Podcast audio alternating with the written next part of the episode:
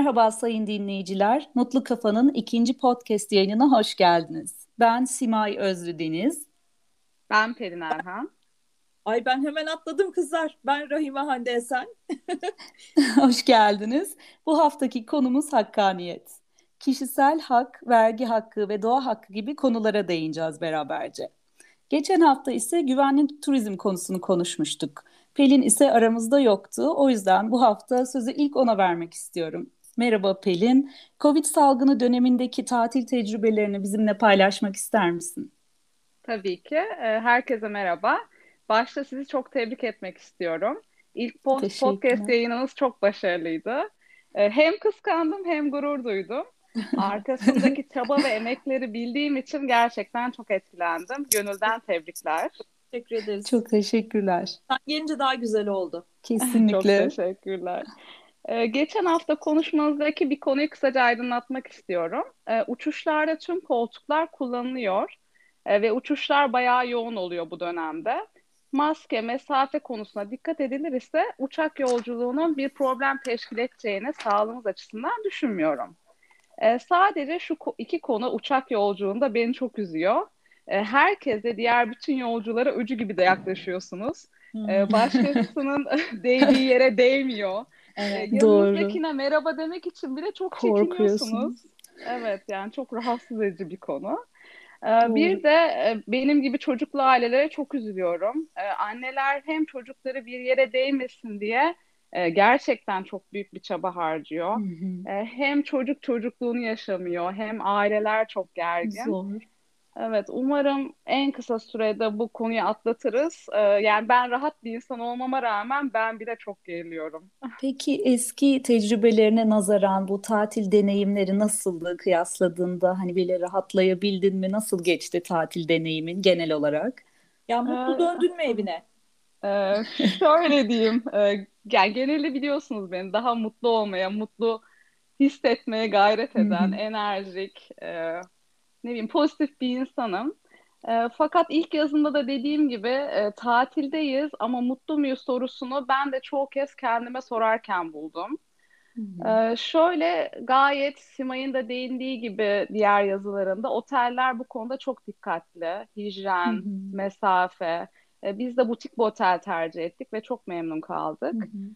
E, fakat şöyle bir konu var. E, şu aralar bilmiyorum herkes yaşıyor ama bayağı bir grip salgını var. Ankara'dan da hmm. duyuyorum, tatil yerlerinden de. Şu endişe insanı çok e, tedirgin ediyor. Acaba hani iki yaşım var ama Covid miyim? Hani hmm. genzi tıkanık, boğazı ağrıyor. E, sürekli bir kaygı içerisindeyiz. Çocuklarda da hafif ateş oluyor. E, bu konu biraz e, böyle şey bizi tedirgin etti. Ee, bir de hepimizin yaşadığı üzere bu yangınlar tatil yerlerindeki evet. işte sürekli sosyal medyadayız çocuklarımıza yansıtmamaya çalışıyoruz. Hı-hı. Ee, herkes çok zor bir dönemden geçiyor bence.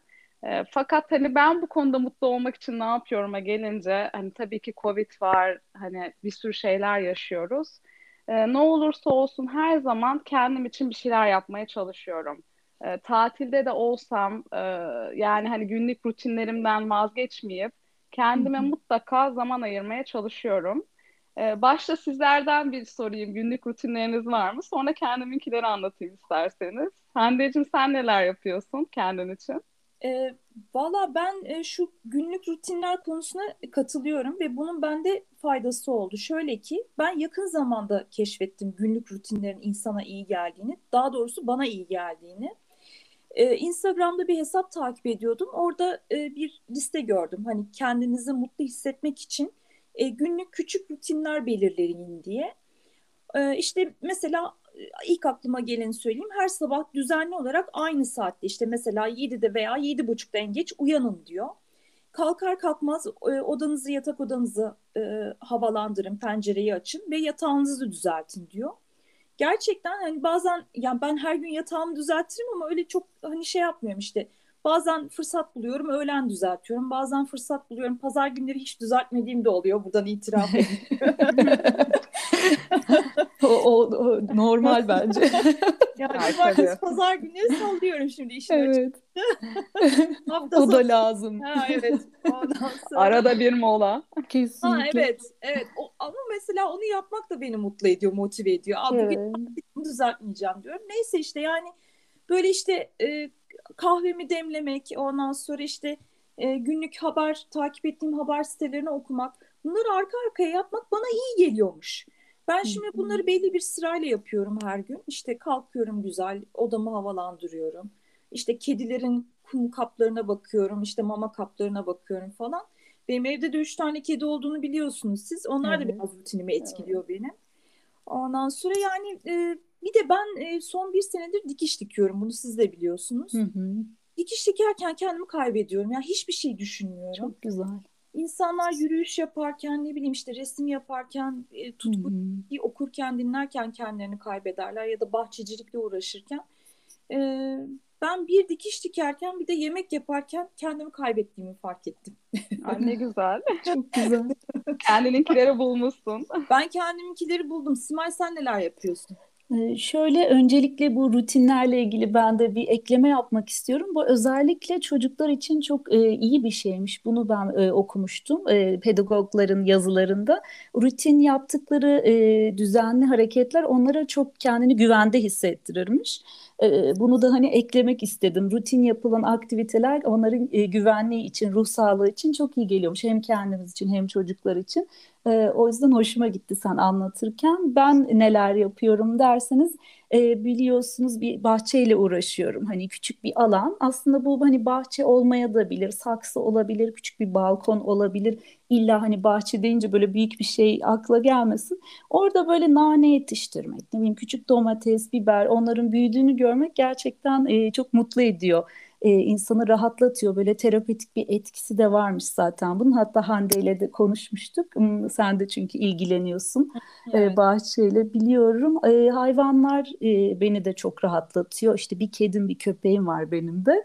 Ee, özellikle köpekle sabah akşam yürüyüş yapıyorum. O bahsettiğin rutinler gibi. O yürüyüş e, zaten hem fiziksel aktivite hem e, rahatlatıcı çevreyi e, gezmek, görmek anlamında iyi geliyor. Hem de rutin belli saatlerde mutlaka dışarıda olmak gerekiyor. E, bunlar beni rahatlatıyor. Bir de pandemi döneminde değişik bir şeye başladım ben de. Senin dikiş gibi bendir çalmaya başladım. Aa, ee, evet, güzel. Çok e, keyifli oldu. Evet çok yeni oldu aslında. Hani böyle bir 6 aydır falan çalıyorum. İnternetten bakarak başladım. Bakalım ilerletebilecek miyim? Böyle bir düşüncem var ama o da çok rahatlatıyor. Sanat e, şey zaten e, etkinlikler, müzik çok e, insana iyi gelen aktiviteler Ruhunu diye besliyor. Evet. Pelin sen neler yapıyorsun? Seni de dinleyelim. İkiniz de ne kadar güzel şeyler söylediniz. Ben hep söylüyorum işte hayatın koşuşturması, ailemiz, çocuklarımız, e, bazen işimiz durup bir düşünmüyoruz acaba bize ne iyi geliyor diye. Burada tabii ki hani koş koş rutinlere bunu yapmalıyım, yürümeliyim, hareket etmeliyim gibi değil de durup bir düşünmek lazım. Acaba bana ne iyi geliyor diye. Ve bunu gerçekten sürekli de yapmak lazım. Bana da yürümek e, gerçekten çok iyi geliyor. Hani yürürken düşünüyorum, aklımdaki bazı şeyi çözüyorum, sıralıyorum. Ee, benim meditasyonda yürümek diye düşünüyorum. İşte kimi Hande de söyledi çok güzel yemek yapmak, dikiş e, dikmek. E, ruhuna ne iyi geliyorsa gerçekten onu bulmak çok önemli ve bunu sürekli rutinde yapmak. O saatte onu bedenin de daha sonra istiyor bende zaten. Bedenin de, ruhun da, zihnin de gerçekten onu istiyor. E, ben biraz daha biliyorsunuz sağlık konularına son dönemde bayağı ilgi duyuyorum. E, kendini iyi hissetmek, Yoga kendini bulmak, yoga, well-being. E, uyku bence birinci önemli konu. E, gerçekten vaktinde uyumak. E, biliyorsunuz zaten sirkadiyen ritim diye bir şey var. Aziz Sancar da bu konuda Nobel kazandı. E, 8 saat uyumak değil de gece yattım ama 7-8 saat uyudum, uykumu aldım değil. Uyku vaktinde uyumak, e, hava aydınlandığında da uyanmak gerçekten insana çok önemli ve güne erken başlamak e, günü gerçekten çok güzel düzenliyor. Artı ben uyanınca hemen böyle bir dilimi sıyırıyorum. E, o toksinlerden, gece biriken toksinlerden arınmak için. Onu e, ılıklı limon. kolay bir şey değil Pelin ya. Ben onu yaparken biraz böyle bir e, kötü oluyorum. Biraz böyle beni zorlayan bir şey o. Ben de çok denedim ve faydasını da gördüm onun ama e, hoşuna gitmedi. Aa, yok hayır sen nasıl beceriyorsun nasıl yapıyorsun? yani böyle yaptığın aparat aslında önemli. Onun çeşitleri var. Bakır, plastik. Belki plastikle yapıyorsan o hoşuna gitmemiş evet, olabilir. Evet. Hmm. Hani bakırla denenebilir. Fakat şöyle bence hoşuna gitmiyorsa da zorlamamak gerekiyor. Ben evet. mesela benim hoşuma gitti. Ee, hani bu rutinler bence şey zaten kendine iyi geleni hep diyorlar ya kendinin versiyonunu bulmak evet. kilit nokta. Yapmalıyım gibi değil de. Evet. Evet.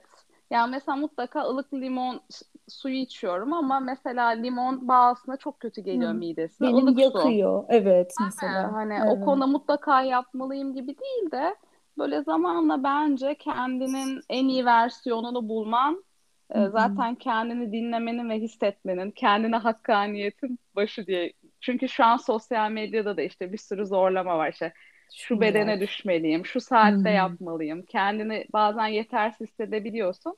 Bu değil de bence zaten hayat hakkaniyetle bir denge işi diye düşünüyorum. Ee, hani özellikle hmm. tamam rutinlerimiz var. Hepimiz çok güzel şeyler yapıyoruz. Hani kendimiz için yapıyoruz. Ama bence bu konudaki denge en önemli şey. Ee, hani çocuklarımız hmm. konusunda da çocuklarımıza vakit ayırdığımız kadar kendimize de ailemize de. E, çünkü hmm. bir şeyden sonra çok vermek iyi olmuyor. Çünkü alamayınca da daha sonra e, kendi içinde yaşadığın muhakemeler bence çok önemli ileriki zamanlarda. Evet. Ee, çok büyük denge işi diye düşünüyorum. Evet dediğin doğru bu kendine hakkaniyetle başlıyor zaten haftamızın konusu da bu kendine ne kadar adil haklı davranıyorsan oradan da topluma doğru ilerliyoruz hatta Hande'nin de vergilerle vergi hakkıyla ilgili bir yazısı vardı biraz ondan bahsetmek evet, ister misin? Evet çok güzel Hande? bir yazı. Eline evet. sağlık. Valla yazıma bir de yorum gelmiş benim. Ben e, bu arada e, iki yazıma da e, yorum yazan e, Serdar Bey'e, Nejat Bey'e ve Melek Hanım'a çok teşekkür ediyorum. E, gelen yorumlar hem konuları daha fazla deşmemize e, yardımcı oluyor hem de böyle interaktif bir ilişki tesis etmiş oluyoruz. Teşekkür ediyorum katkılarından ötürü. E, ben verginin kökü acı peki ya meyvesi tatlı mı diye bir yazı yazdım biliyorsunuz.